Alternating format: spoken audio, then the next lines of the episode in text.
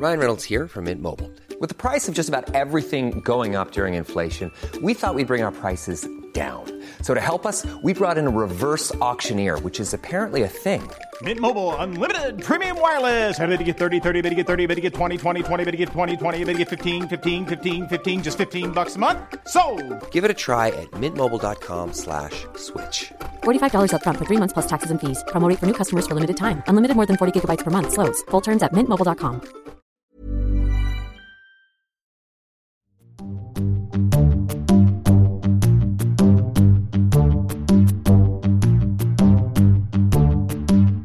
Ja, välkomna till ett nytt avsnitt av podcasten Cyril och Stig i otakt med samtiden.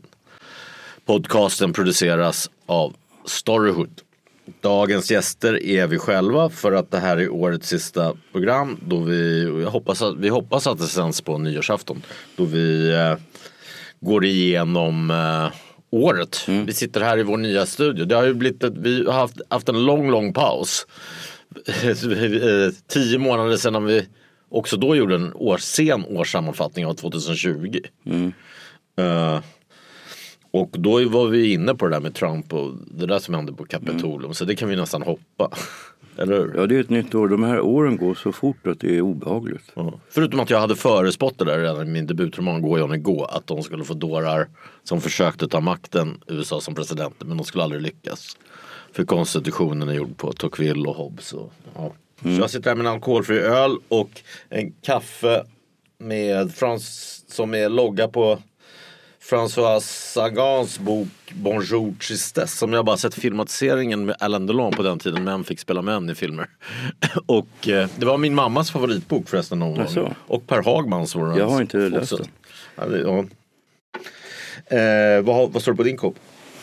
Ja, här står det faktiskt Virginia Woolfs A Room of One's Own. Jag är inte så förtjust i Virginia Woolf. Jag tycker hon är... Den har jag bara sett filmen också men jag har, har inte hennes korta tajta när, Nej, läste- där hon kom med Stream of Conscience eh, to the Lighthouse. Har du inte läst Nej, den? den ska vara bra. Men jag Den är lär- riktigt bra. Ja, det var ju Ebba Witt-Brattström som gav mig då en gång i tiden Orlando. Men jag den, måste är ju mer, den är mer en så här, det är väl om en hermafrodit va? Ja, det var inte riktigt min grej. Nej. Ja, vad ska man säga då? Sen vi hade då det där avsnittet så jag har fått flera mejl förresten från kvinnor som undrar hur det gått med din katt Cecil. För han var, det var ju en Ja, dramatisk just det. Nej, berättelse det, du det berättade har gått det bra. Det gick ju bra. Nej, Det sa men- du redan där, det var artros va? Nej men han hade ju inte det. Jag tror att de bluffade. Alltså, då skulle han vara tvungen att ta medicin fortfarande. Men det har inte varit. Han har ingen ont alls. Avbröt du penicillinkuren? Ja naturligtvis. det, Inte får, det är farligt att göra på Nej men han, hade ju, han har ju inget ont. Vad man ska ge honom medicin för. Det är ju farligt. Ja, okej. Det, det är ett år som på ett sätt, eller om jag skulle bara sammanfatta det i en hiss så skulle jag säga att det har hänt väldigt mycket men, också hänt, men på ett sätt har det hänt väldigt lite. Liksom nu när jag tänkte igenom och, och snabbt skulle lista så under våren hände det ju faktiskt ingenting egentligen nästan. Jag själv var, du och jag var på Teneriffa. Sen var jag med min son Siggy på Funguriola. På så här sporthotell. Alltså när det är en del människor som har dött och så här. Folk har ju dött i covid och sånt. Ja, och det, det, det ska vi väl börja med. Lars Norén här i ja- januari var det. Ja, och sen dog Per Landin också. Ja, det var det är en vän till, Han och jag hade precis börjat lära känna varandra och eh, skulle träffas tre dagar. Eh, hade bestämt att träffas ett datum tre dagar efter det att han dog då plötsligt i corona. Till mig han att han mådde bra då så sent som mådde, sex dagar han, ja, han innan. mådde ju bättre då men jag var i kontakt med honom dagen innan han dog. Och Han hade det- två sprutor också, dog i corona ändå. Ja, han dog trots att han hade två sprutor. Men han hade reumatism, det påverkade honom. Nej, det, var, det tycker jag var eh, väldigt otäckt att han dog. Eh, det var en person som först lärde jag känna honom som författare och sen började vi umgås eh, för ungefär tio år sedan. En ganska tung författare och Tysklandsexpert. Vi, Mm. vi lärde känna varandra för han, skulle, ville, han ville berätta för mig om Berlin eftersom jag är på väg att flytta Mm. dit nästa år kanske, pendla. Och, men han, han fick Augustpriset en gång. Nej, det vet jag inte ens om han fick. Jo, fick han. Men Ja, han gav kanske ut han på, det var ju smala förlag han gav ut på. Ja. Och recenserades inte så mycket. Men, Jag tycker Augustpriset är väl ingenting att stå i. nej, nej, men jag säger snarare det. Bara en sån sak att alla säger August. Strindberg skulle vänt sig i graven.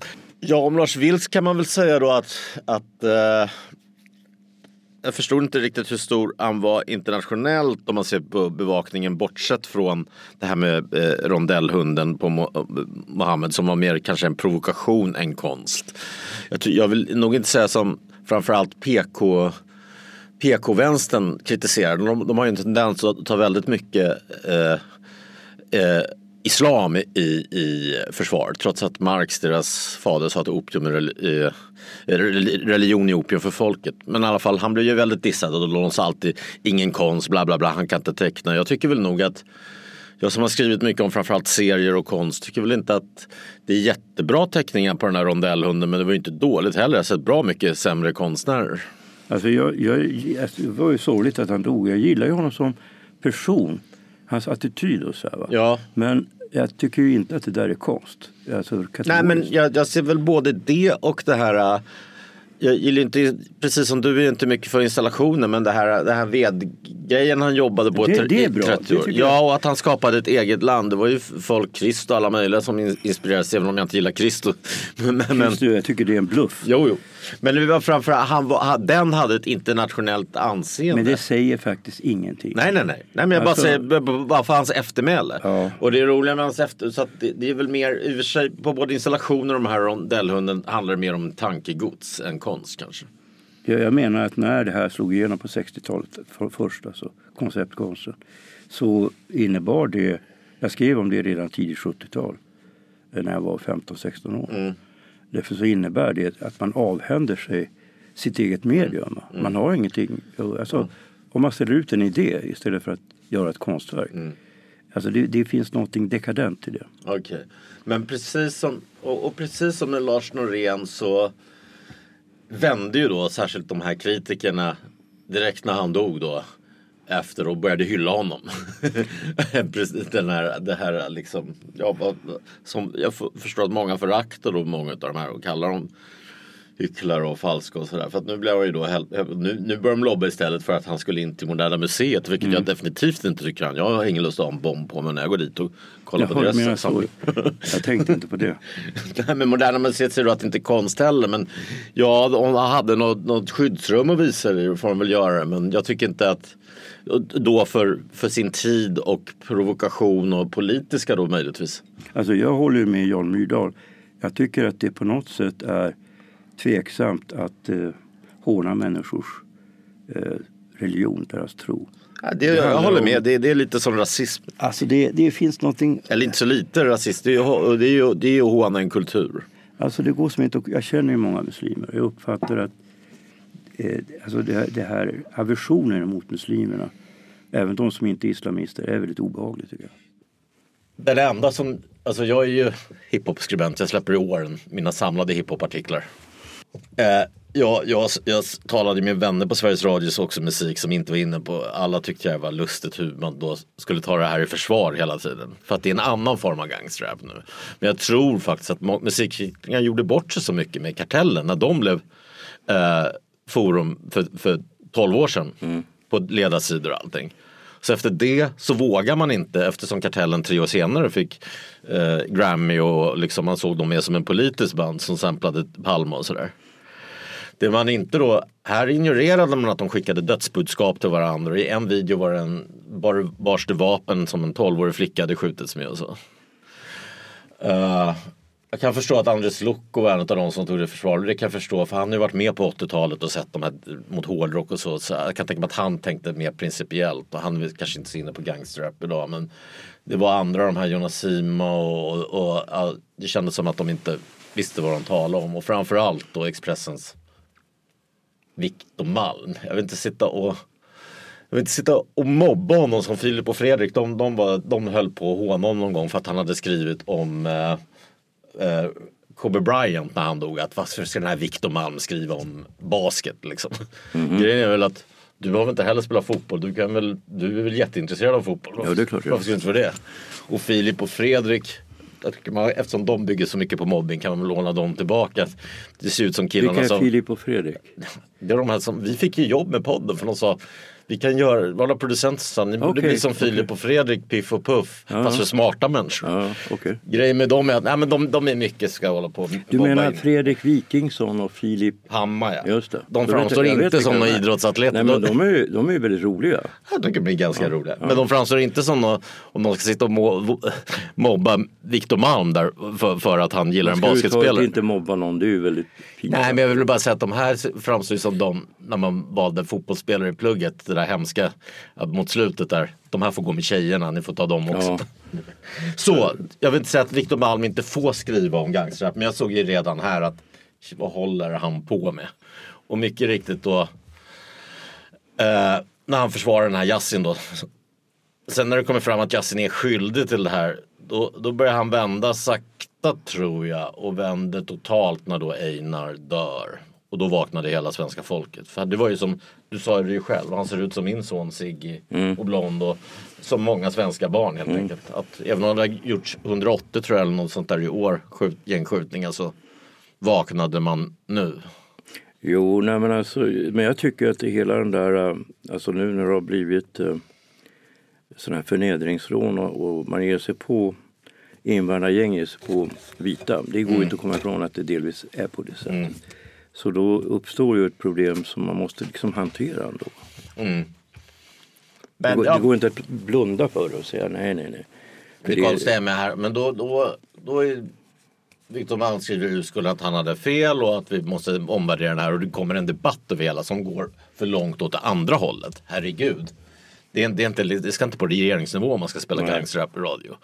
Och eh, Men alltså jag vet, man tog ju upp det där med att man inte då får spela vitmaktmusik och det tycker jag också är fel. Jag fattar inte varför man inte får spela det vitmaktmusik. gjorde man inte. Men där, det, grejen är, skillnaden är där. Jag kan förstå, det var ju den här Hanif Bali som sa att att ja, den ignorerar man trots att det var nummer två på försäljning. Men grejen är vit makt tillhör en ideologi. Gangsterrap tillhör ingen ideologi. Det kallas i USA för reality rap.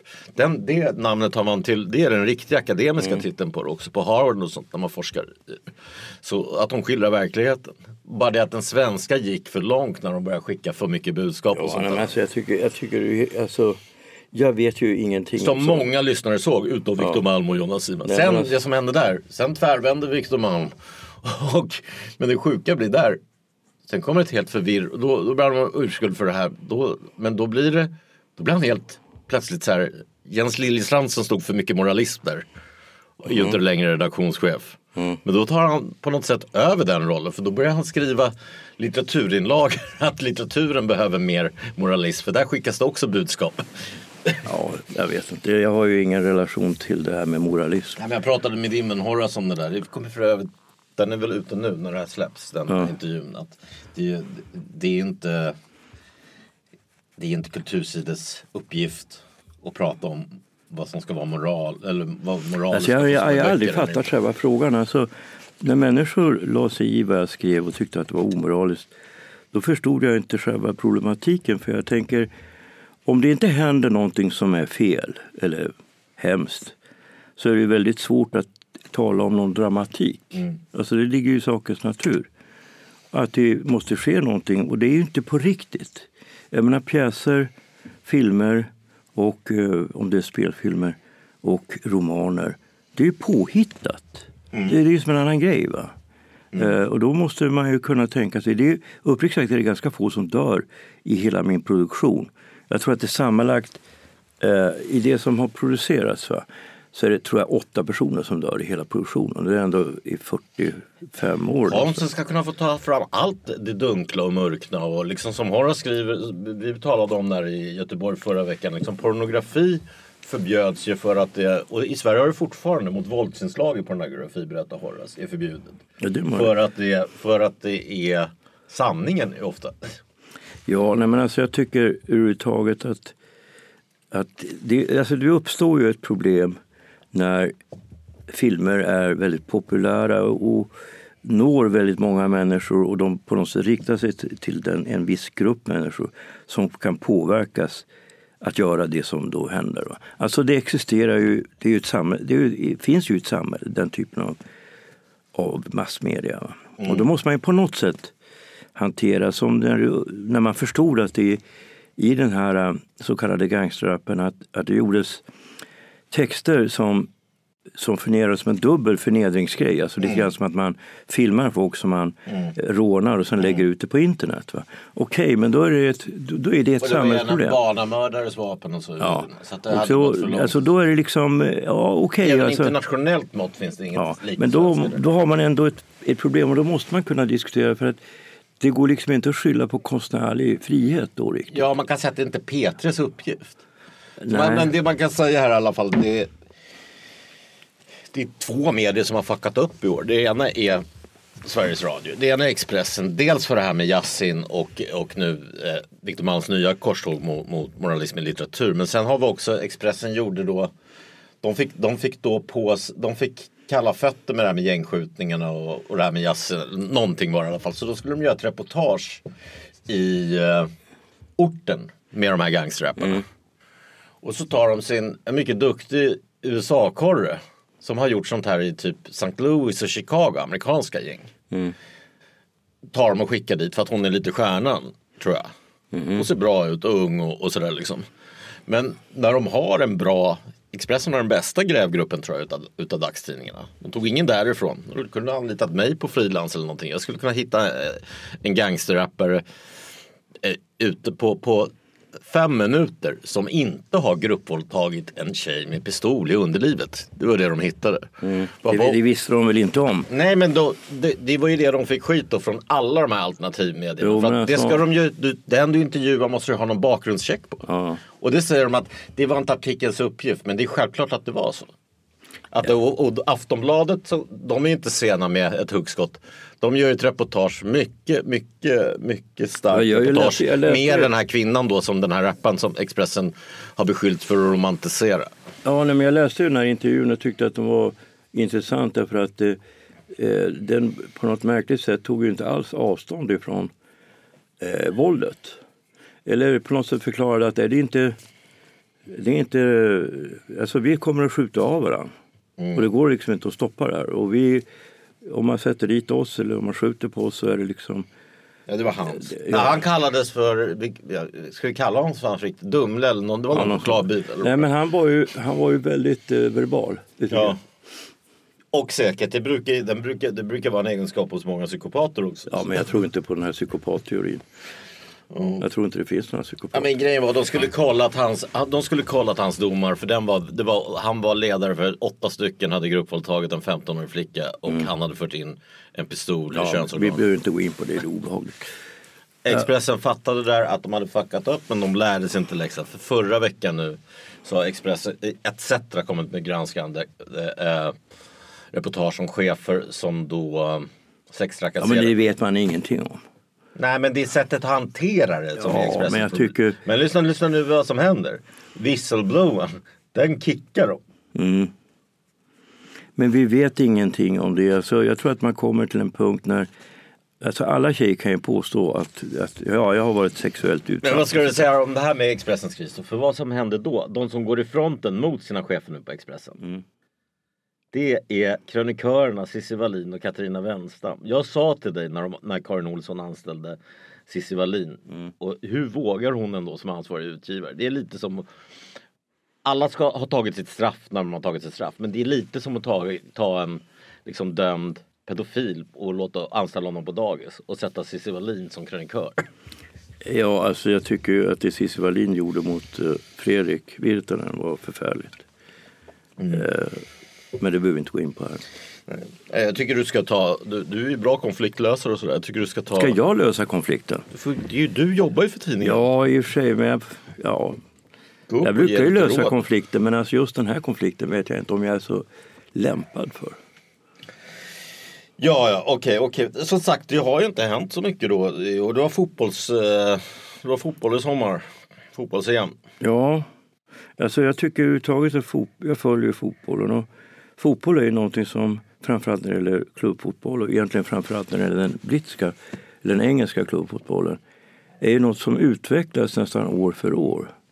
Alltså de matcher som man har sett, alltså kanske det handlar om fem till tio matcher per säsong eh, som ligger på en nivå som du inte ens hittade för ja, fem, sex år sedan.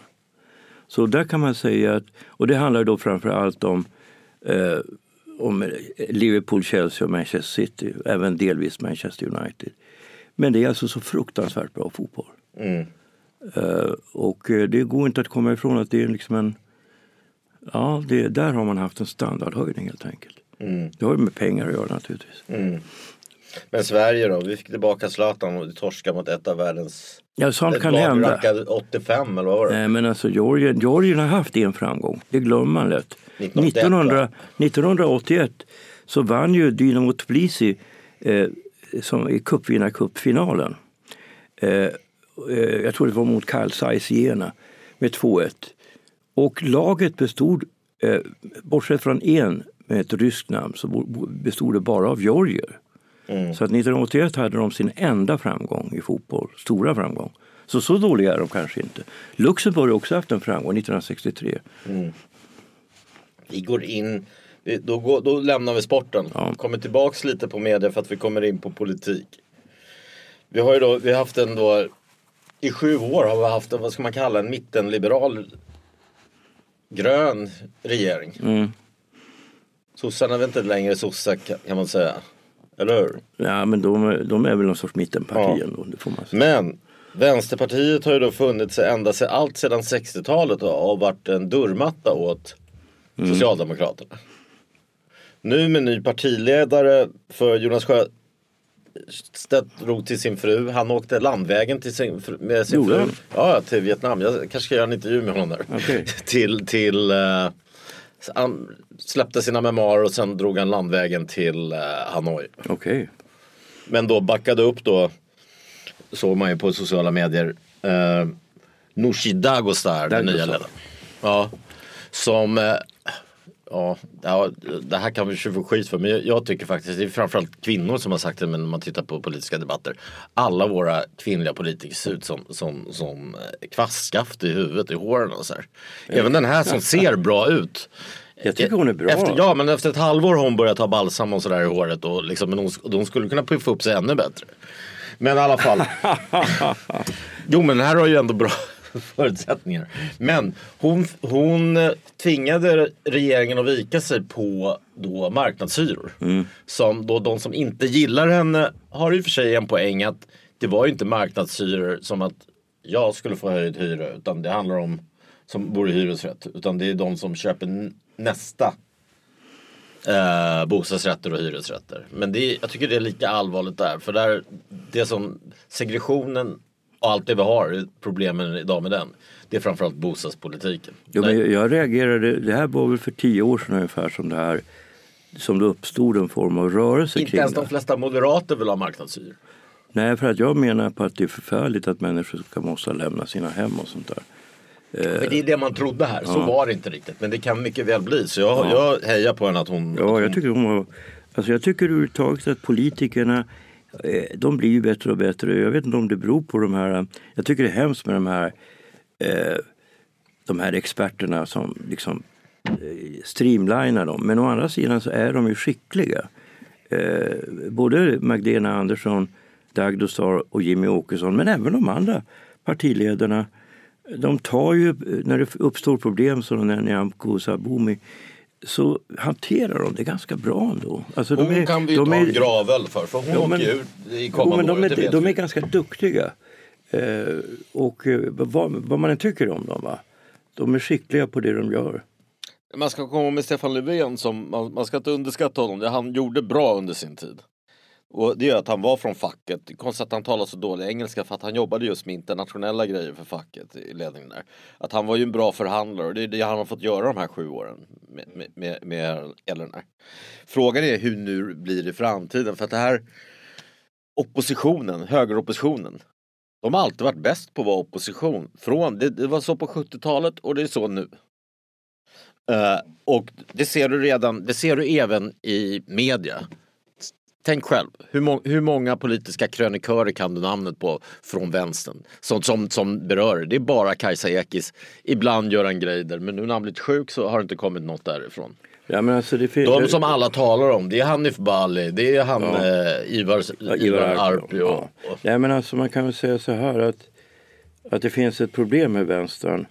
Och jag tror vi har varit inne på det tidigare men alltså jag uppfattar att, att det, alltså det var ett steg för danska socialdemokratin när de fick en hårdare inställning till det här med invandringen. Samtidigt som de blev mer vänsterinriktade när det gäller den ekonomiska politiken. Och det var inte bara ett sätt för dem att ta över från danska folkpartiet utan jag tror att det finns en stark opinion som är en vänsteropinion som samtidigt inte har med vänstern att göra när det gäller kulturfrågor. Vänstern i kulturfrågor det är ju då de som, den så, så kallade finvänstern som eh, tycker om eh, allting som har med eh, hbtq-frågor och allting som har med miljö och sånt där att göra. Ja fast här ska vi backa också. Det är också jag tycker med ett nytt klimat här. Vi ser att och det är det som nästan oroar mig för att om det blir höger nästa, de är som sagt, de är inte bra, de är, de är sämre på att styra och de är bäst i opposition. Helt plötsligt, de har ju nu tagit över rökrutan kan man säga från de här PK-vänstern. Det är de som styr idag debatten. Aron Flam och de här som förut liksom såg som perifi perifera. Vad alltså det, perifera. Per, ja. men alltså det som är problemet det är det här att de som är någorlunda smarta de köps av kapitalet. Och de har ju till slut ett intresse av att tjäna pengar de också. Det är framförallt sossar som har köpts av kapital. Nej, alltså det gäller ju även de som jag gillar och så. Alltså de som är journalister och är ganska bra, de, de tjänar ju pengar. Va? Så var det inte på 70-talet, 60-70-talet, 80-talet till och med. Alltså det var ingen som tjänade pengar. Du kunde inte köpa människor. Men det är klart att om du tjänar väldigt mycket pengar så blir dina, hur, pass, hur vänster du än är, så är du då till slut en borgare. Det går inte att komma ifrån. På ekonomijournalister, Andres Cervenka tycker jag är lysande. Jo men det är då vissa... Jag tjänar för mycket. Nej men alltså det finns väl kanske just Cervenka. Det finns ju undantag. Men jag skulle säga att det finns en frestelse.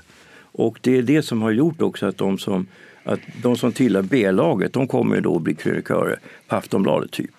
Alltså det går som inte att komma ifrån att, att de mest skärpta personerna du, alltså, du, du ju... Jo men jag menar då högen som, som, som folk pratar om. Ivar Arpe, liksom, han får ju ändå swish-pengar. De tjänar inte så mycket pengar. Hanif alltså... Bali och alla de här som, Nej, alltså... som har bollen i sin hörna. Nu tycker jag inte att, att Ivar Arpe på något sätt verkar köpt på något sätt. Det, det, tycker jag inte. Men däremot, jag talar inte om enstaka personer.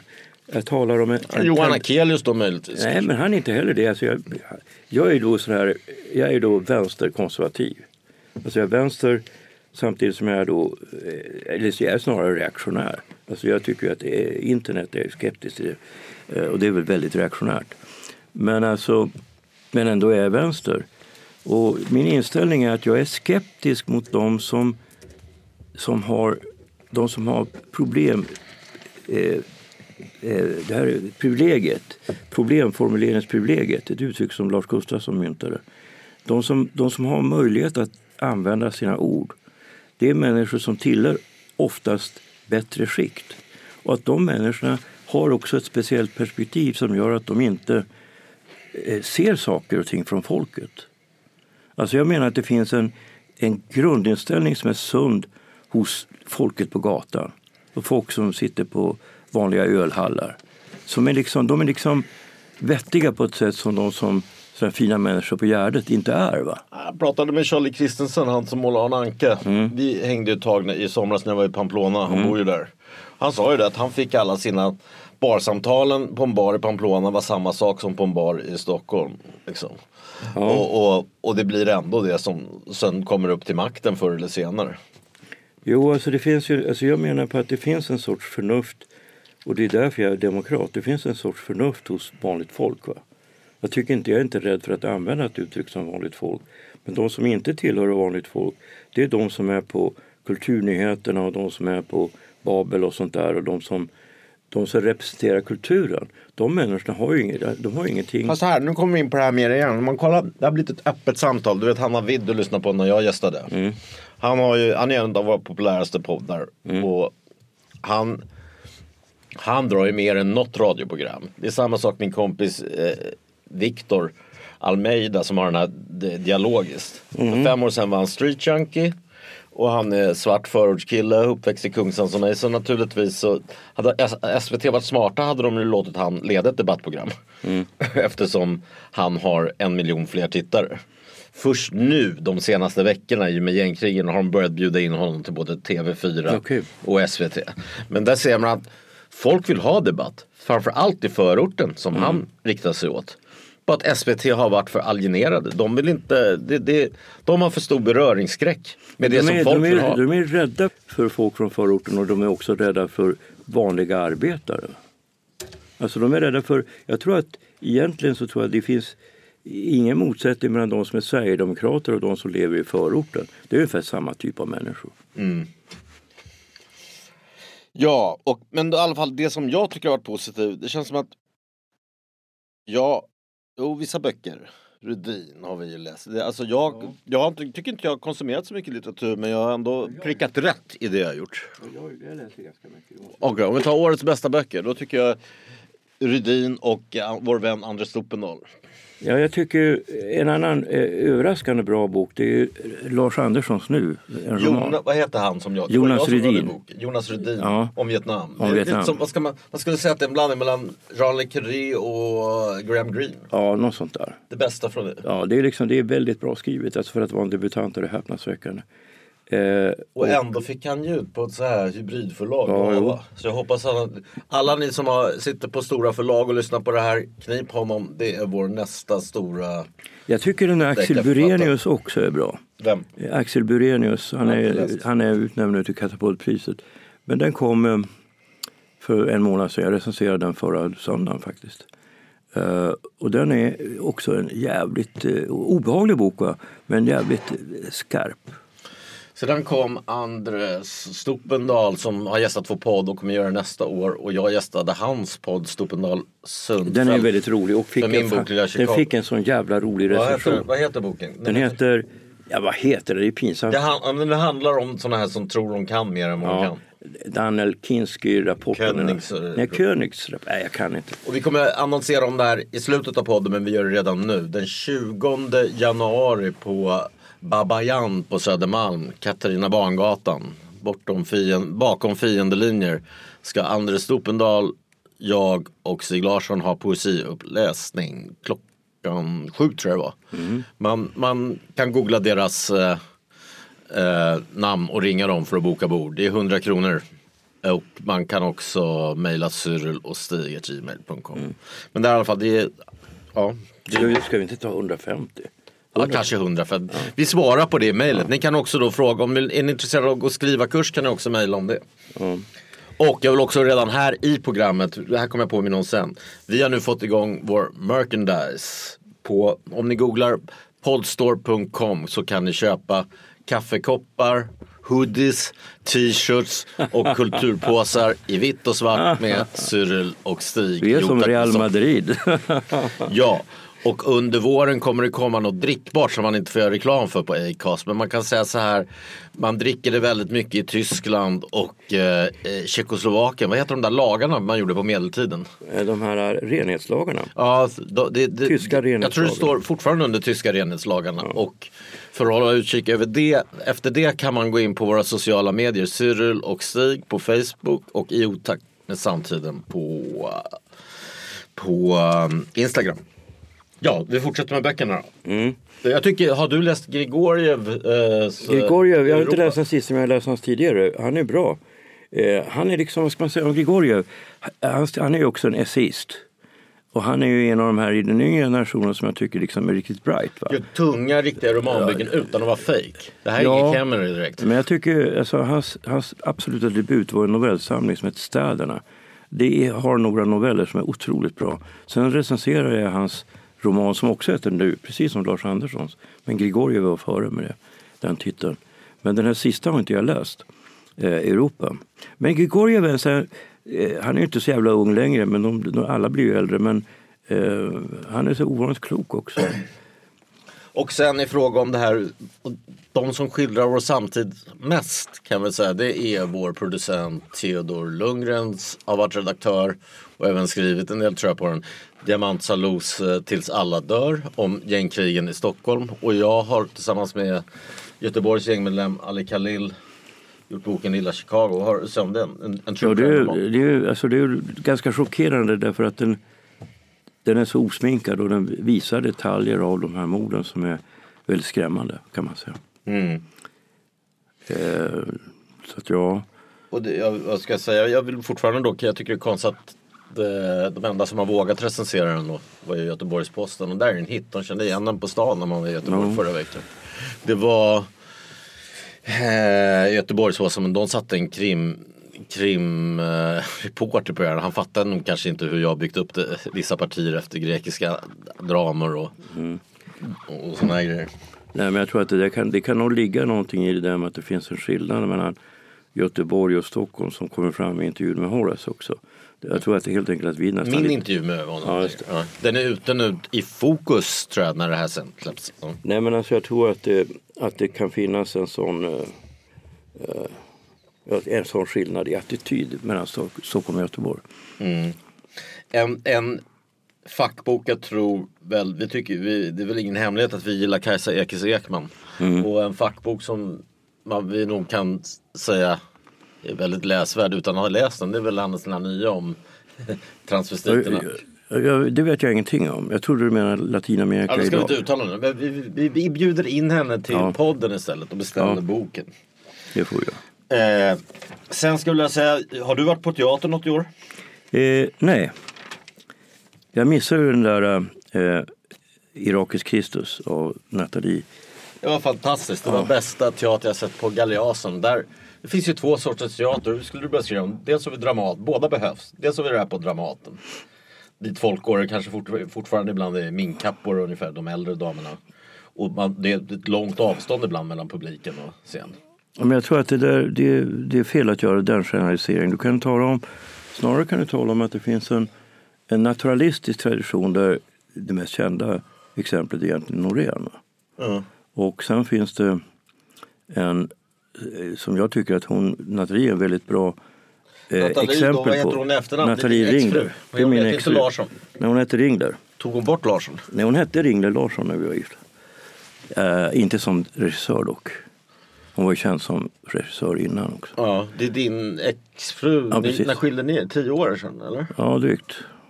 Du visste inte ens att hon hade gjort den här Irakisk Kristus va? Jo då, jag visste det. Jag blev helt golvad för det här var det, det, det var väl vår vän Rickard Günther som startade Galeasen? Ja, han var med alldeles i början och Rickard, han är också, det som är grejen med Nathalie, jag har ju varit imponerad av hennes tidigare grejer också, det är att hon och även Rickard, och det gäller ju även Torsten, hade, som inte jag har alls, alltså, hade det jag kallar för scenisk fantasi. Han Alltså- är ju också, Rickard Günther kommer ju från, från någon akrobatikgrupp från Ja. början på gatuteater. Jo, det men är alltså- väldigt fysiskt. Ja, och de kan också se i djup. Alltså, scenrummet är inte... Alltså i mitt fall, Ja. jag tänker så realistiskt. Va? Så där är det ju ganska platt. Alltså, jag använder inte djupet på samma sätt som... Jag brukade låta Rickard titta på mina scenerier. Och han sa, men Stig placera honom 12 meter längre bort. Ser du mycket bättre Det var ju ut? så här krigsfångar du vet som blev våldtagna och så här bakifrån och så här. Och de stod och gläfsade som hundar de här sexorna. Så jag brukade tänka på, är det sådär stiger som säkert honom har tagit efter. Usch. Nej. Sen såg jag en väldigt bra pjäs på Dramaten. Britt, jag har glömt bort vad hon hette men det var en brittisk gästregissör som hade förenklat, gjort mer modern Tjechovs Måsen med vår vän Alexander Salzberger i en av huvudrollerna. Eh, som, den, den var väldigt sevärd också tycker jag. Tjechov när det, när det är som bäst. Ibland kan ju Tjechov Alltså det, det, det är ju långa grejer och det skrevs för 110 år sedan så att det, det kan behövas friskas upp sådär lite ibland. Ja, Det var ännu längre sedan jag skrev. Ja, jag vet Becket får man inte ändra ett ord på. Men det kanske är rätt i fråga om Becket. Men Tjechov tyckte jag tjänade på det här att de hade tajtat till det. Det lite. vet jag ingenting, jag har inte sett det där. Men alltså, jag tycker ju Tjechov är bra men jag, är ju, jag tycker inte det behövs så jävla mycket. Alltså du kan ju inte spela alltså Shakespeare så måste du kanske korta ner. Eh, Tjechov vet jag inte. Det är klart att du, jag var ju med då i, i Torstens genombrottspjäs i, i Gertrud. Och när man läser den så är ju egentligen pjäsen eh, längre. Va?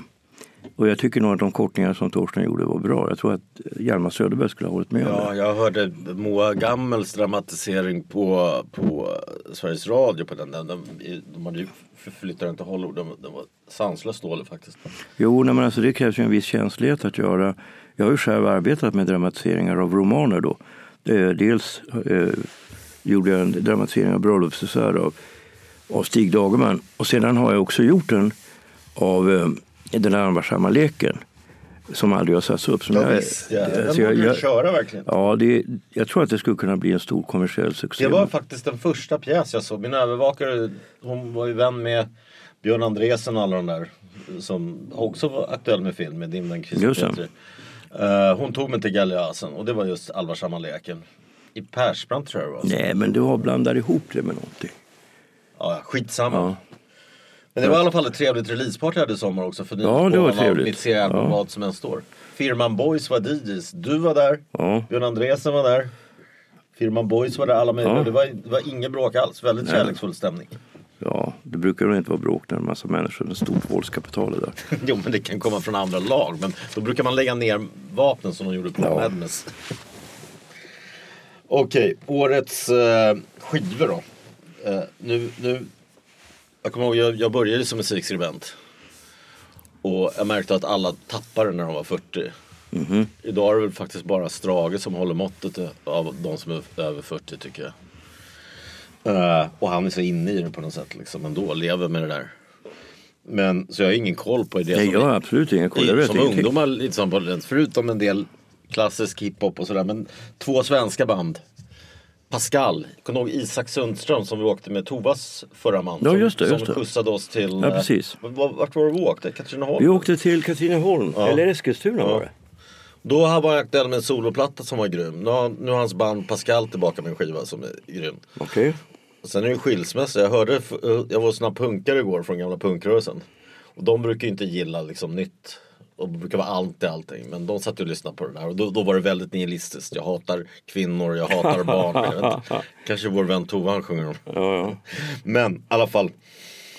Eh, ett annat band som du ändå har hört som, som jag och vår vän Amir som filmar oss just nu Just spelar det. för dig. Det är Duschpalatset från Umeå. Ja. Som har en låt som handlar om dig som heter Nyår. ja, det var väldigt förvånande. Och Eh. de produceras av Per Wiksten från 90-talsbandet Wannadies. Ett av Sveriges bästa 90-talsband vill jag säga. Utav de här indie-rockbanden. Jo, nej, det var ju roligt. Det är roligt att uh, tjejband sjunger de med. Ja, ett snyggt band får vi säga att det här var. Konststudenter, 25 år. Mm. Kommer vara förband under våren åt Wannadies just. I Skandinavien och även England tror jag. Kanske de översätter det i nyår. Jag vet inte. Eh, ja, jag har också släppt en ny utgåva kraftfullt reviderad av min intervjubok med Stefan Jarl där du förekommer på flera ställen och flera andra vi känner. Mm. Vad tycker du om den? Jo, jag har, ju läst delar av den tidigare. Men den, alltså grejen med den är så jävla tjock så det är mycket som man helt enkelt inte tar in första gången. Och väldigt mycket från tid. Han, han är ju äldre än oss. När han skriver om, eller han berättar Han är om, född 41, han är exakt 30 år äldre än mig. Ja, så att han, eh, det han berättar om 50-tal och tidigt 60-tal. Alltså han berättar då bland annat att eh, Björn Sedbergs farbror som Björn kommer ut There's never been a faster or easier way to start your weight loss journey than with PlushCare. PlushCare accepts most insurance plans and gives you online access to board-certified physicians who can prescribe FDA-approved weight loss medications like Wigovi and Zepbound for those who qualify.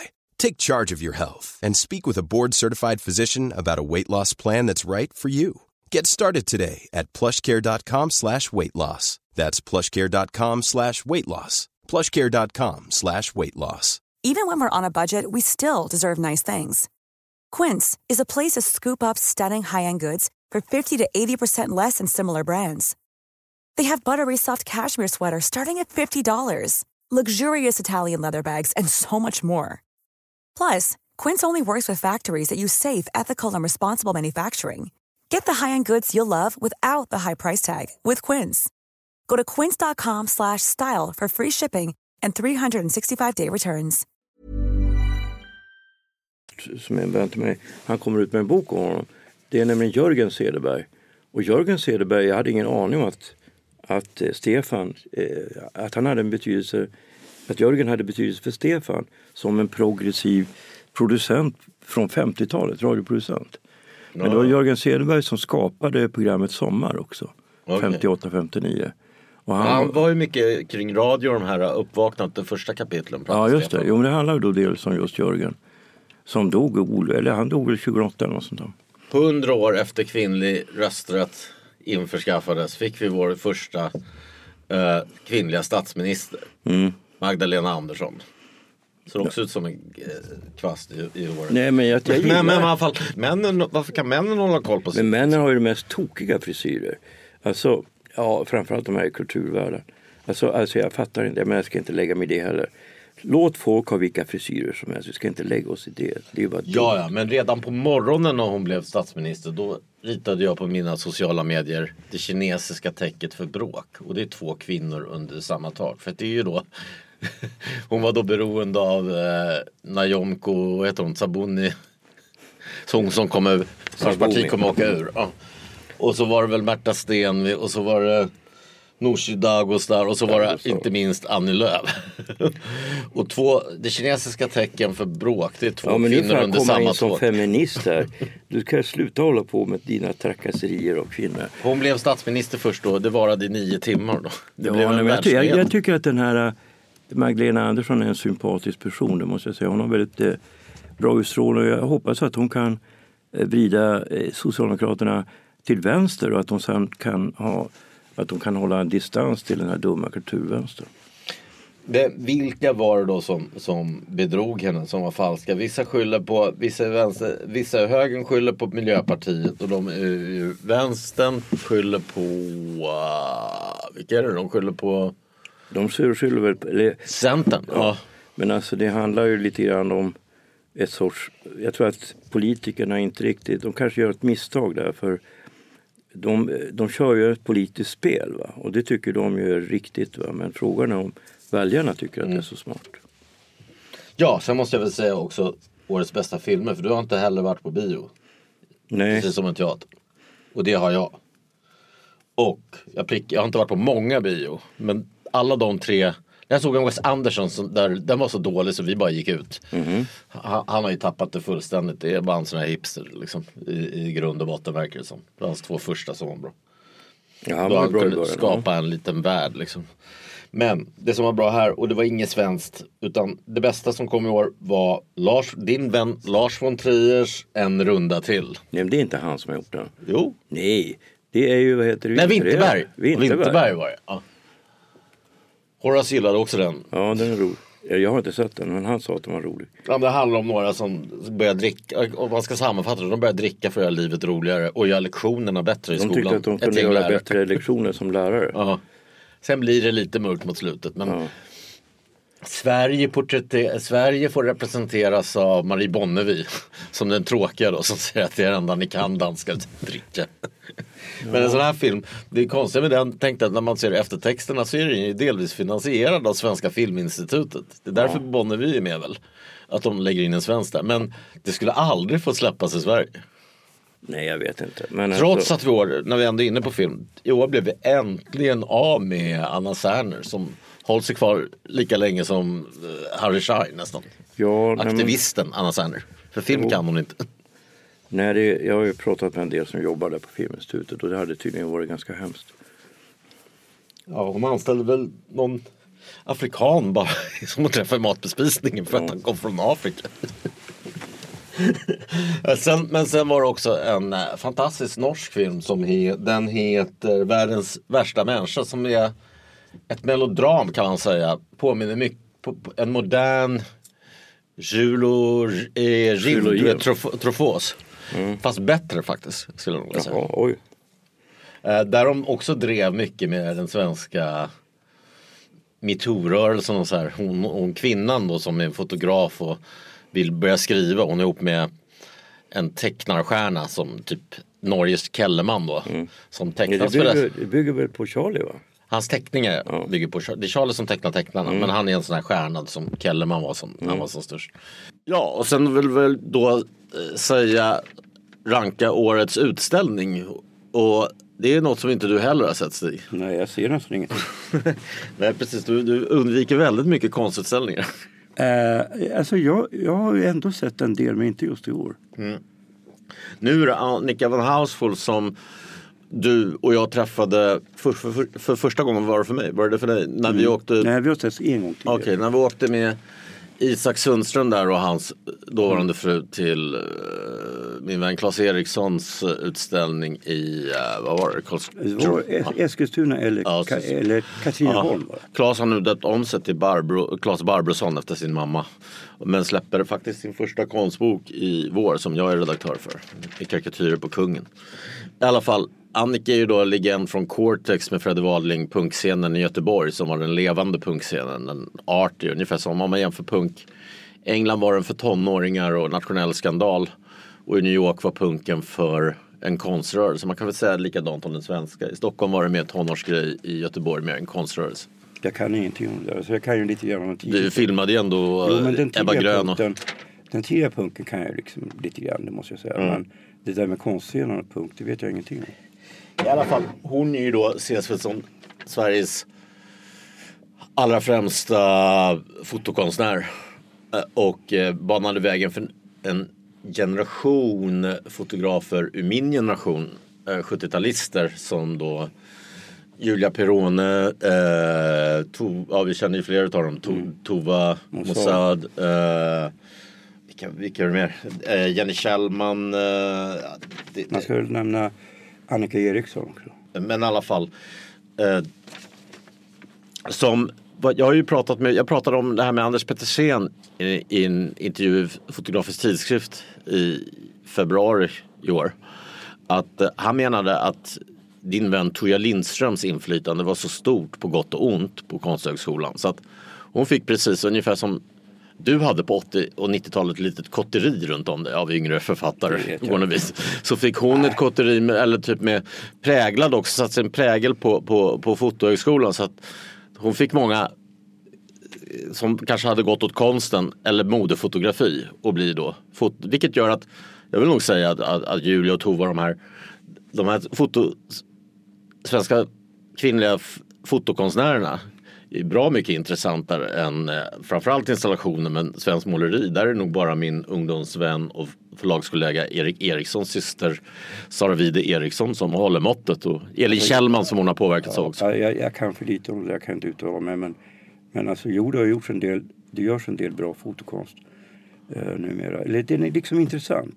Jag tycker Julia är väldigt bra. Sen tycker jag en videokonstnär som jag tycker är bra är Annika Larsson. Ja, ja. Annika Ström finns det en som heter också. Ja, Som, de heter Annika allihop. Jag snackade med, faktiskt med, med Daniel Birnbaum om det 2002 eller 2003. Mm. Han sa du har ju också Pippi Lotti Rist. Och de kommer ungefär samtidigt. Han tänkte göra någon utställning om det. Alla heter efter eh, Astrid Lindgren. De har namn efter eh, Pippi Lotti och Annika. Mm. Ja men förutom det, och där skulle jag också säga, eh, eftersom jag känner de här privat har jag ofta pratat privat och de menade ju också att kvinnor är mycket sämre på att armbåga sig fram. Så på, när de gick fotohögskolan där i Göteborg på 90-talet eh, Killarna liksom eh, mode som de kanske egentligen ville göra. Det, det, det, det roffade, de platserna roffade killarna åt sig liksom. Så de hade nästan ingen annan väg än att gå åt det konstnärliga hållet. Liksom. Det låter konstigt. Ja, men det är en intressant teori. Eh, I alla fall den här utställningen med Annika von Haushoff är fantastisk. Och framförallt också för att hon, man får se hela hennes eh, karriär som börjar då med politisk kanske. Och det här kvar från punken. Som, jag tyckte, gillade ju de bilderna bäst. Jag gillar ju den här vänsterradikala konsten. Anarkistiska. Men sen då Det fram känner till inte jag dags. till. Jag känner till hennes eh, väldigt suggestiva bilder från kvinnor som liksom man förmodar på något sätt är våldtagna i en skog. va? Ja, sådana finns det. Det är en som ser ut som en crime från en noirfilm. För En strand, den har ju Modern i sin vanliga samling. När de står på en strand där. Så jag tror till exempel Jenny Kjellman har påverkats av en bild som jag sett, något liknande. Men hon Överhuvudtaget ser du alla de här, även Julia Ja. d- d- har påverkats. Och, så att hennes, Julia som har då en eh, retrospektiv eh, eh, på Liljevalchs under våren. Vi Alltså jag kände ju Tuija lite grann. Hon plåtade mig och vi träffades lite grann på 80-talet. Va? Och jag uppfattade henne som en stor fotograf och en väldigt bra lärare. Hon bjöd i- ner mig till Göteborg Så jag undervisade Och ni måste ha kul för hon var ju inte känd för att spotta i glaset direkt. Nej, jag har inget minne av det. Okej. Det var väldigt ordentligt. Ja. Men i alla fall. Jag vill säga också om Annikas utställning som pågår på Moderna Museet då till den 22 februari. Det var tror jag. De sena bilderna är också jättebra. Den sista på en, på en uh, nallebjörn ska jag faktiskt använda till en bok till ett bokomslag om vi får hennes tillåtelse. eh, på en bok som är allt annat än gullig. Den, eh, ett- och det är en nytagen bild. Men det som var bra med den också att hon bjuder på sina influenser. Och det är en separat utställning bredvid då hennes bild, eh, hennes retrospektiv. Och om man tar de här svenska efterföljarna som jag nämnde. De, alla de här, Julia och alla de här, och Tova och de, det är ju de här vanliga kvinnliga ikonerna. John Arbush, Cindy, Cindy, vad heter hon? Sherman. Sherman och, och Martha Wilson och Francesca, vad heter hon? Wood, Wood. Woodman, ja. Och, ja som men Annika då har gjort en utställning med hennes influenser. Och här är det inga kvinnor alls nästan. För det är ju så att man behöver inte bara inspireras med kvinnor för att man är kvinnor. Konst är ju könslös förutom en del kanske. Det är Mm. inte som genusgrejerna håller på att, att, vi, att vi inte har samma. Det är ju klart att vi tänker olika män och kvinnor. Ja, jag vet inte. Men konsten är väl ändå universell. Alltså jag tycker nog att kvinnor och män tänker inte så jävla olika. Det tycker jag inte. Ja, men om man ser de här genusforskarna så är då man, som jag pratade med Horace om i den här intervjun som är ute nu så är manliga genier av ondo och svin medan kvinnliga genier, det är nog fint att vara. Där behöver man inte bry sig om. Alltså visst finns det skillnader. Och det kanske är intressant, vad vet jag. Men man kan inte sätta, då skulle inte jag kunna förstå eh, kvinnliga författare. Skulle inte kunna läsa dem. Mm. Det kan jag ju. I alla fall Annika hade då på den här separatvaror då Irving Penn, Arthur Boström, Carl-Johan Malmberg, Inge Holm, Harald Edegren. Carl-Johan Malmberg, han är ju ingen fotograf. Så var det en kvinna från 30-talet som jag upptäckte som jobbade med reklamestetik. Så vet du vem det är? Lotta Antonsson. Nej. Jävligt bra grejer men de finns där på, på, Okej. på Moderna. Så missa inte den utställningen. Och det, här, och det som får avsluta vårt år då eh, med inom våra nyårslöften.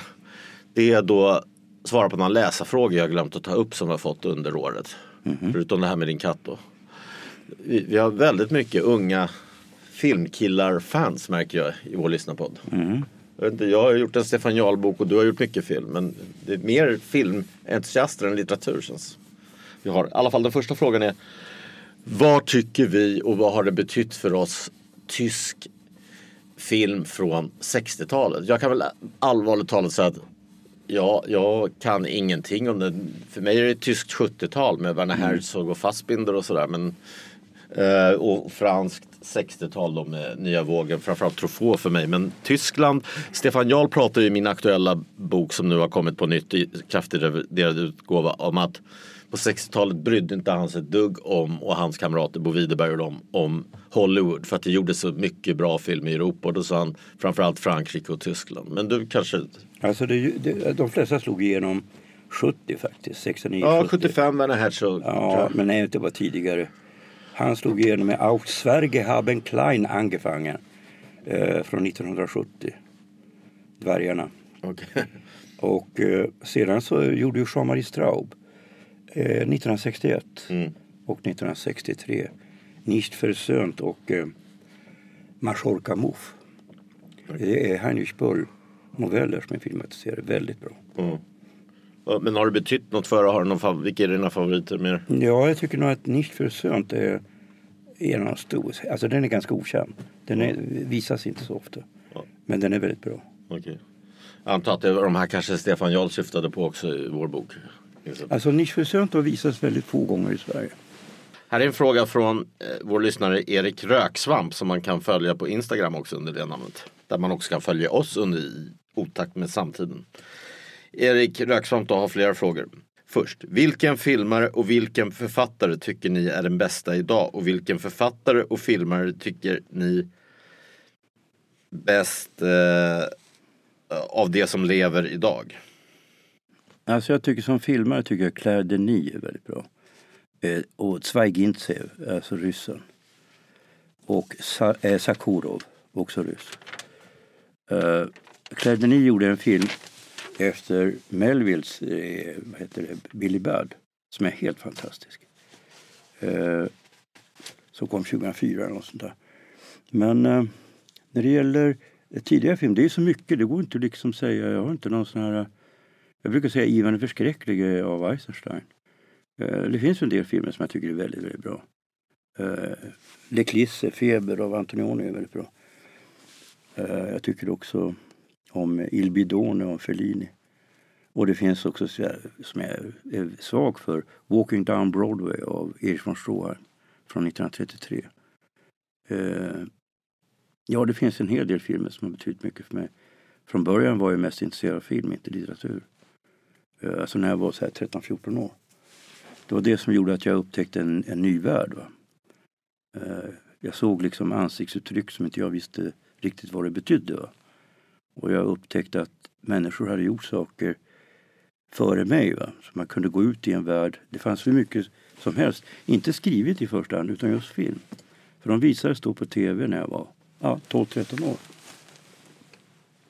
Så att det, jag kan inte svara så mycket mer än så. Och författare?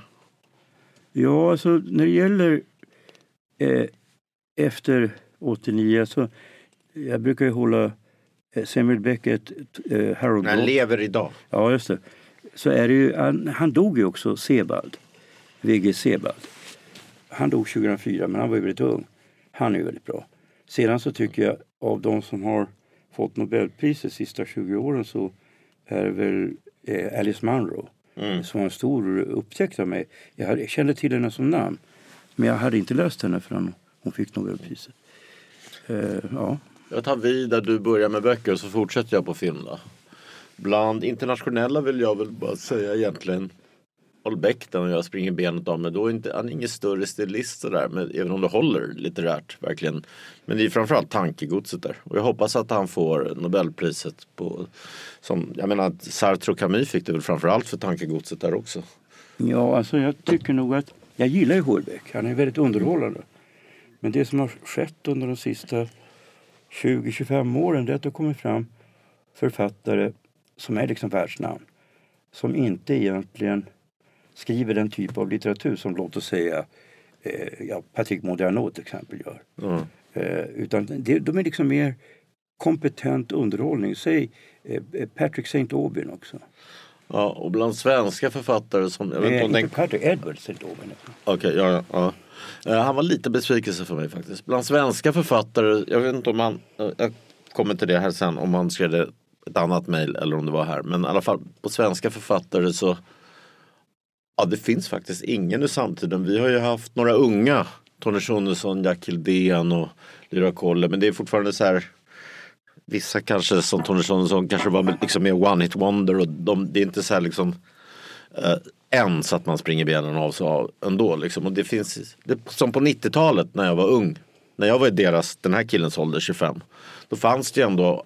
Jag spikade in datum och köpte boken om det var du eller om det var Claes Östergren eller Karina Rydberg eller Willy Kyrklund.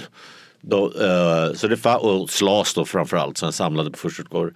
Sådana författare finns faktiskt ingen levande. Claes Östergren köper ju allt av. Jag har samlat på hans förstautgåvor liksom, har allt. Men jag tycker väl att han har tappat under hela 00-talet. Det enda som var bra var var den här eh, en skog full av sumak barndomsskildringen. Och, ja, det var helt okej. Okay. Jag tycker också och novellsamlingen, men det är ju gamla noveller. Ja, men jag tycker novellsamlingen är fantastiskt bra. Ja, alltså, men det är ju gamla noveller så det räknas inte riktigt. Med stollarna på och Ja, men det är 90-tal. Nej, är... det är 2000-tal. Nej, de släpptes på 90-talet. Jag, jag har första upplagorna, håll inte på nu. Ja, det kanske, jag, du kanske det, har rätt. Asperger. Jag har första upplagorna, de släpptes på smala ställen som filmtidskrift. Så det, är inte, det är inte nya grejer där heller. Även om man har gjort någon julnovell tydligen i år. Jag menar som Renegader, den tråkade fullständigt ut med förutom just det här partiet Renegader som jag också pratade med om. Renegater. Äh, om, äh, när, om akademin. Där, nej, där är han ju riktigt, på ett, där är han riktigt elak mot er vän Jean-Claude. Men det verkar som Horace har något personligt där. Ja, jag fattar inte alls det. Som sagt, nej, de bästa författarna idag bland svenskar, jag, vill nog, jag tror att smarta dras väl till pengar som du ofta Stig pratar om med politik och, och politiska skribenter. och politiker. Det är nog väl faktiskt uh, Jens Lapidus och Måns uh, Karlentroff skriver bättre tycker jag, även litterärt. Än, Alltså jag vet inte, än jag många, tycker... än många utav, framförallt om du jämför med de här som, som med Babel, eh, Kemmery, Hannes Anjuro och alla de här medårsförfattarna. Alltså jag tycker det som, jag tänkte ju skriva faktiskt om just deckare för jag tycker det har skett en kvalitativ utveckling när det gäller deckare. Det görs, det görs jag tycker Magnus Montelius, den första boken Mannen från Albanien men även Ja, han är bra har jag förstått från dig och, Ja. och De La Monte också. Alltså Delamont är också kompetent va? men de skriver ju böcker som de gör med, med vänsterhanden.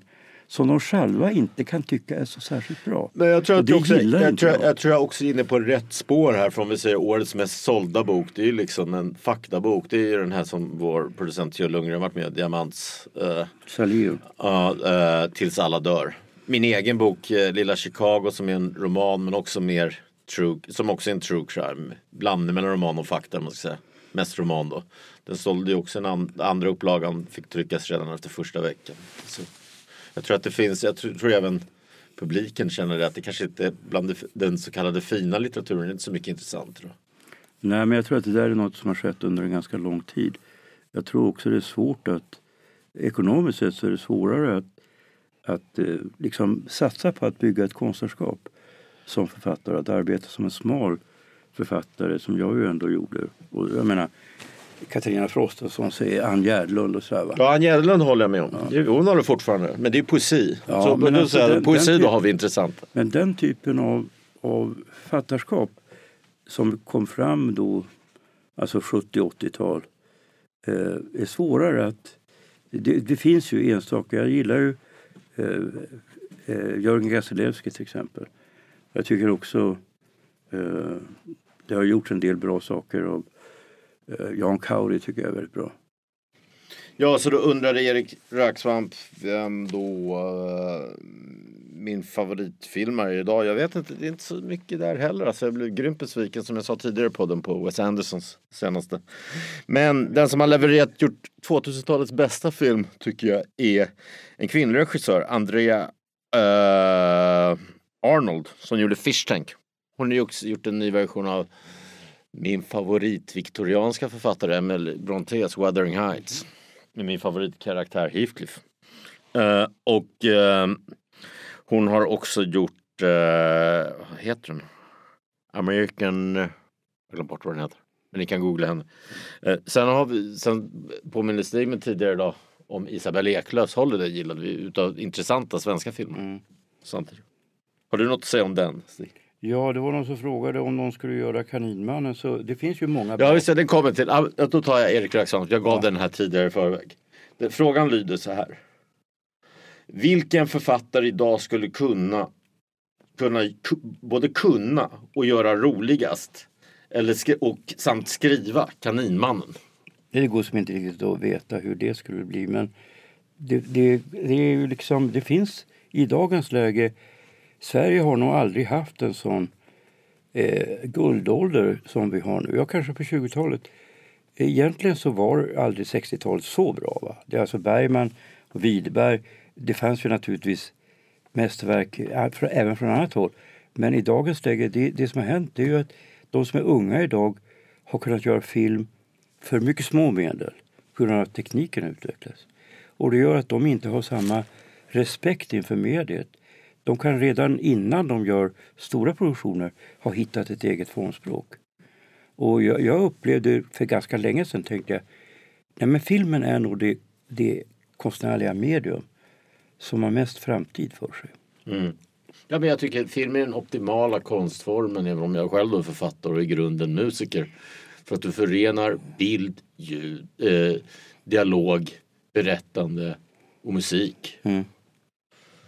Eller hur? Och det gör det på så kort timme. Det är väl nackdelen på ett sätt att den kan inte bli hyperrealistisk men, men ändå. Om det inte är dokumentär. Men, Alltså det kommer ju... Eh, man ska, eh, alltså att skriva har ju den fördelen att det ligger så nära tänkandet. Va? Alltså att och du vågar öppna det mer än du Ja, vågar alltså när, du, när du läser en bok så tänker du inte dina egna tankar utan det är ju faktiskt du tänker de tankar som står i boken. Och så kommer du inte in. Alltså, film är ju ett väldigt annorlunda medium därför att Dels så bestämmer den helt och hållet vad du ska se. Eh, Du har liksom ingen egen möjlighet som åskådare att liksom distansera dig från det. Men å andra sidan så tror jag inte heller att du, eftersom det inte liknar tankar, så kommer du inte heller riktigt åt samma sak. Sen undrar Erik Röksvamp också. Har Stig sett Godards senare filmer från 90-talet och 2000-talet? Och, och, och vilken är då din favorit? Och, och vilka intryck har den gjort mest? Det, det är pinsamt men jag slutade se Godard eh, efter Numero Dö 1976. Okej. Min franska agent heter hans senaste och sista film manus på franska och engelska. Jag har inte läst den men det verkar intressant. Jo men han, han, är ju, han lever han fortfarande? Ja, det är 90. Ja, han måste ju I vara född 1930. Han är född 31. 30. Han fyllde 90 år tror jag. Okej. Eller 30. Ja. Ja, nej, men han, eh, han slog igenom väldigt tidigt som kritiker i Care Cinema.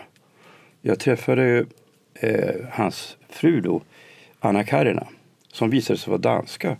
Och hon berättade en väldigt märklig grej. Jag har träffat hans muse. Alltså, ja, det var väl också Anna Karina, hon var väl en, viktig kvinna för, för Godard. Eh, vi satt ute på det här slottet på, som Fassbinder hade den här inspelningen Kinesisk roulette och drack champagne med Då var du bara Karina. 20 bast eller något. va? Ja, 21 hade jag. Jag tror jag hade fyllt 21. Du sa att han brukade smiska pojkar i Äppelträdgården. Ja, det visste vi Fassbinder. inte då, va? men det kom ju fram sen i så skandalböcker som skrevs.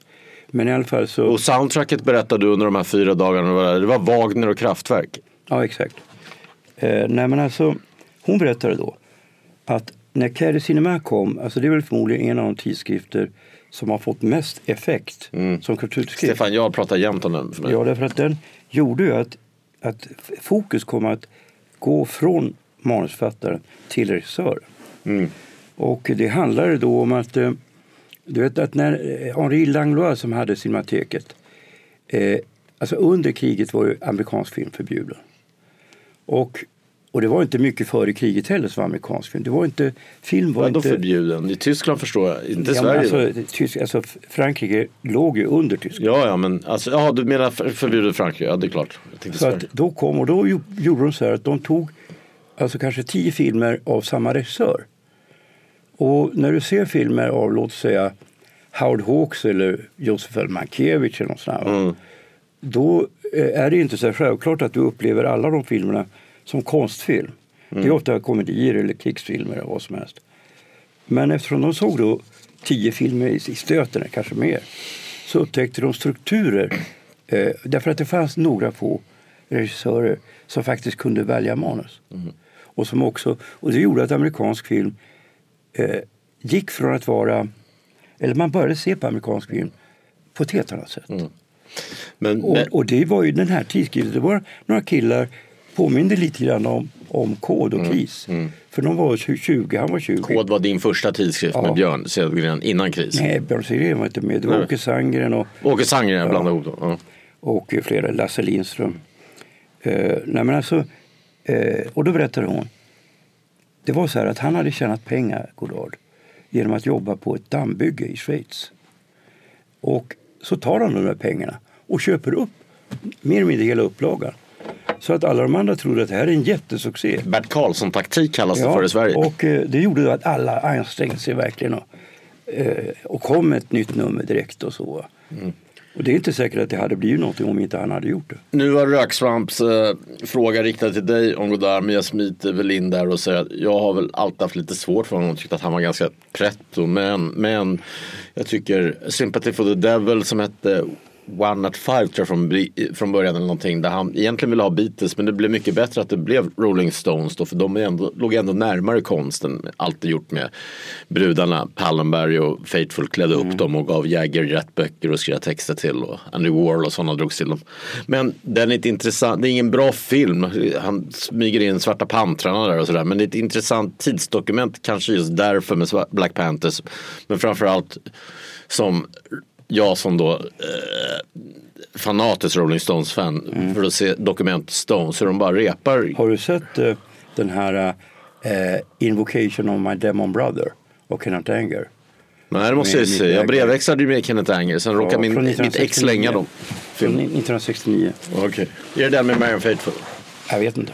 Men fall, det, den är bra då för att du ser hur, hur, hur Brian Jones då är verkligen på väg ur. Det var väl sista pålägget han gjorde där på, på det som spelas där. Och han får sitta ensam i ett hörn nästan och bara sitter och deppar ihop och ser, och ser hur bandet han skapar lyfts till nya höjder och filmas av den nya vågens nya filmer. Men han, är, han vet att han är på väg ut som Bob Dylan uttryckte det. Something is happening here Mr Jones but you don't know what it is. Nej men alltså, jag tycker väldigt mycket om tidig Godard. Jag tycker att hans Ja men filmer... det där vill jag bara säga. Det, det, tidig Godard tycker jag, tycker, gillar ju Alphaville i alla fall. Med Anna Karenina som du sa. Och sen, men min favorit är då Tarantinos favorit som är lite mer lättsam. Det är Banda Per. Banapar är ett mästerverk. Ja. Det är nog det bästa. Det är mer Eh, Alltså komedi. Banapar och Vivre det är ju en gangsterkomedi. Ja men Vivre Savi, Leva sitt liv, är en fantastisk film. Den har jag faktiskt inte sett. Ja, den är otroligt bra. Det är liksom Anna Karinas stora roll som Ja. prostituerad.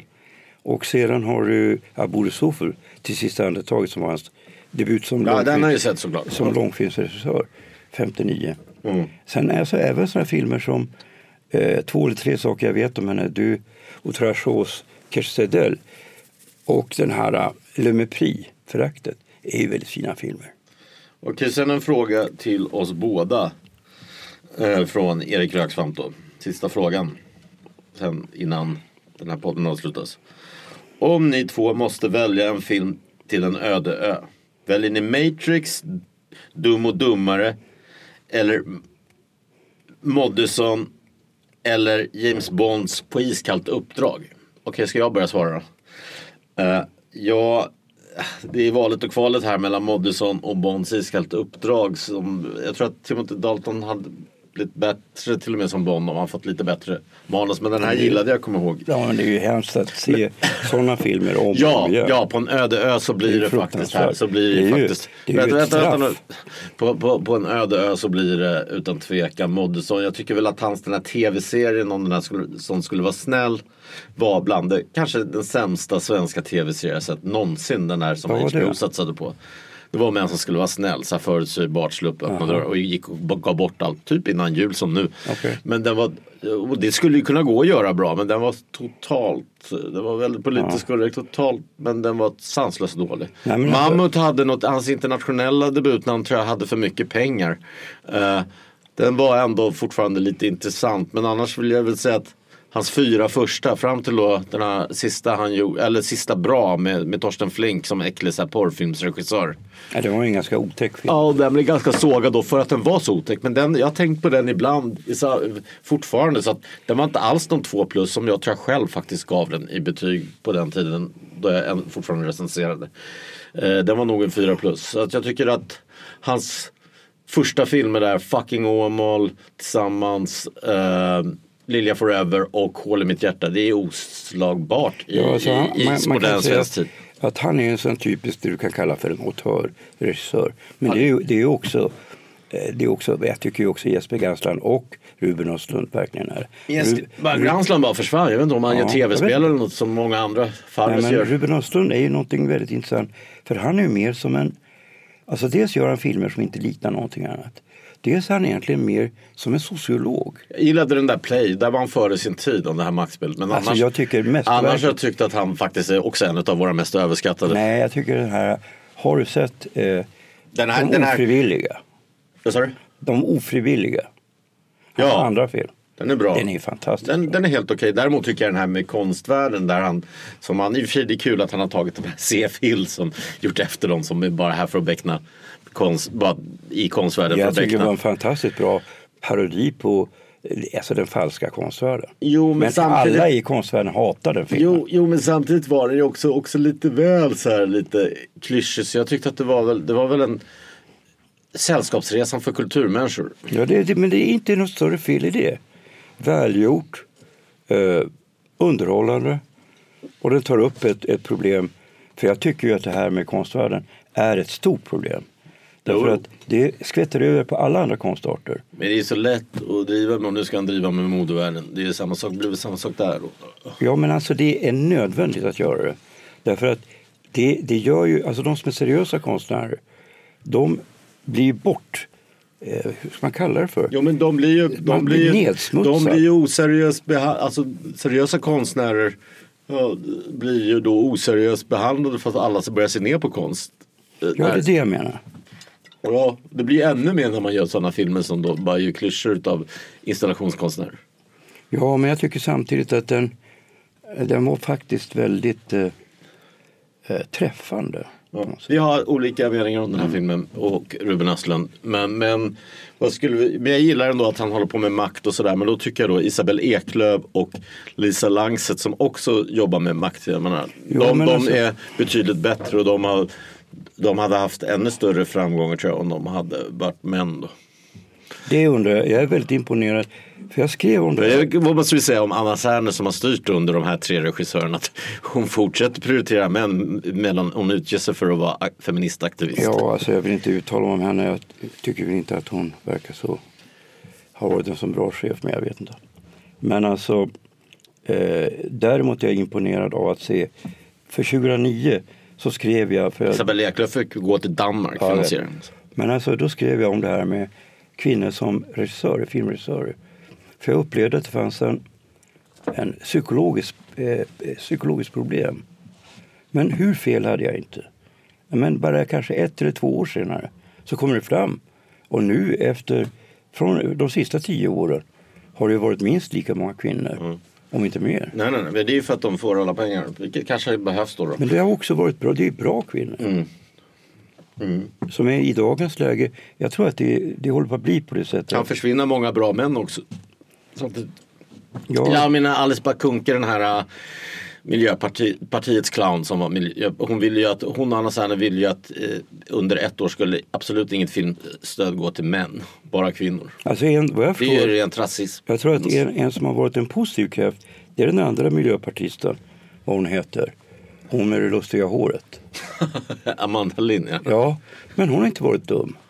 Nej, hon, alltså, men jag tror att hon insåg också att folk hade sagt till henne. Jag själv gjorde ju debattinlägg i somras till exempel om Anna Serner och så att snart får ni tänka på hur det ser ut när SD vill Ja. styra Man- er filmpolitik. Man ska inte döma människor för deras frisyrer i alla fall. Okej, men du, du måste ändå svara på Erik Raxmans eh, sista fråga här. Alltså Matrix, Dum och Dummare eller Nej, jag vägrar. Man, man ska inte tvingas svara på frågor. Eller James Bond. Du har fyra val. Nej, jag, jag, jag kan inte tänka mig att se. Jag har inte sett de flesta av de här filmerna. Jag har väl sett, eh, vad var det du sa? James Bond. Ja men Lukas Moodysson har jag sett. Ja.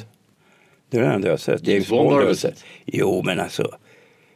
Ja, så jävla bra inte James Bond. Alltså ingen James Bond, det blir Moodysson då för dig också. Då enas vi om det. Men jag, alltså, jag skulle inte kunna tänka mig att titta på Lukas Moodysson på en öde ö. Jag kanske är dum och dummare. Okej, vi, vi avslutar där. Och då vill jag avslutningsvis säga då att glöm inte att komma och titta när vi har poesi, poesiuppläsning med Andres Stupendal. Som vi, det glömde vi säga när vi listade författare. Det är väl en eh, samtida författare ändå man kan fortsätta köpa och intressant. Mm. Ja men alltså jag tycker han, han gjorde den här Maskerad som är en av de bästa debuterna på 2000-talet. Och den eh, var ju influerad av Fredrik Wiklund som är, har fortsatt att ge, gett ut eh, intressanta romaner. Nu senast Det och Iven och före det Brentwood Swindon.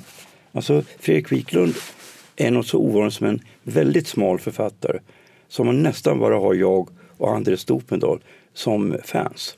Jag har inte läst honom, då får jag göra det. Men, men, men däremot så Andres nya senaste roman som hyllas i precis alla tidningar förutom DN då som inte recenserat den. Eh, där jämförs han med Stig Larsson och Michel Houellebecq. Så det är snarare dig han jämförs med. Och han sa till mig privat att jag skrev lite för att jag hoppades att Stig skulle gilla det här. Han fick ju en, en fantastisk recension av Carl Cederschiöld. Eh, Politiker. ja, eh, väldigt intelligent. Han hittade precis grejer med det. Här är liksom inte... Trots att han skriver om honom. Det var lite Ja. i svenskan. Men alltså han var mycket klokare än eh, vanliga, jag blev väldigt imponerad, eh, kritiker. Nej, eh, han tar upp det här att det är liksom inte, det är inte meningen att det här ska ses som en seriös roman som Maskerad var. Nej, Utan det här, den är mer det underhållande. här är mer underhållning, men det är välgjord underhållning. Och som jag sa till Andres kompis Oskar Sundfeldt igår som han har podd med att för ett år sedan hade de totalsågats. Utan det här handlar om att vi har fått ett mer öppet samtal nu i alla fall. P- p- Folket kräver det.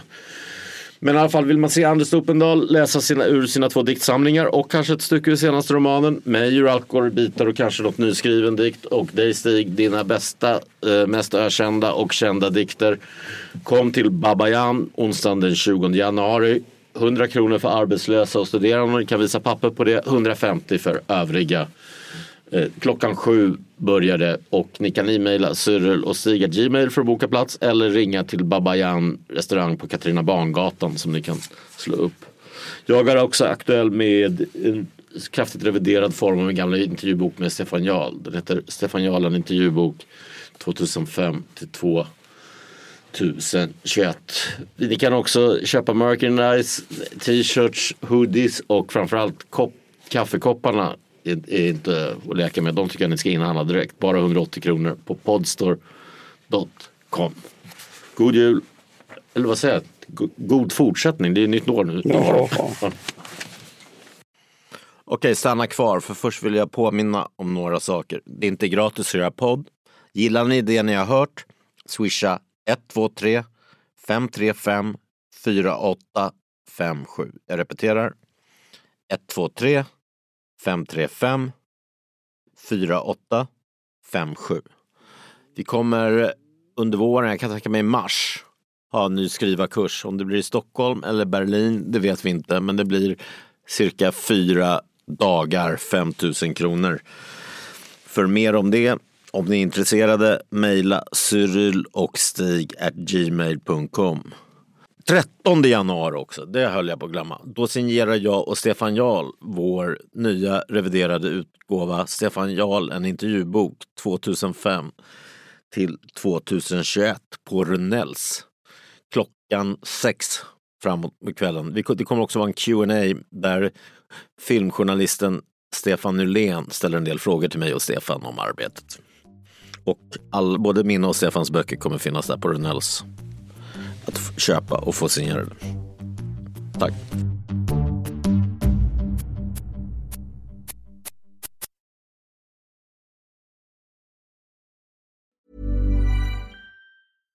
Hi, I'm Daniel, founder of Pretty Litter. Cats and cat owners deserve better than any old fashioned litter. That's why I teamed up with scientists and veterinarians to create Pretty Litter. Its innovative crystal formula has superior odor control and weighs up to 80% less than clay litter. Pretty Litter even monitors health by changing colors to help detect early signs of potential illness. It's the world's smartest kitty litter. Go to prettylitter.com and use code ACAST for 20% off your first order and a free cat toy. Terms and conditions apply. See site for details. Even when we're on a budget, we still deserve nice things. Quince is a place to scoop up stunning high end goods for 50 to 80% less than similar brands. They have buttery soft cashmere sweaters starting at $50, luxurious Italian leather bags, and so much more. Plus, Quince only works with factories that use safe, ethical, and responsible manufacturing. Get the high-end goods you'll love without the high price tag with Quince. Go to quince.com/style for free shipping and 365-day returns.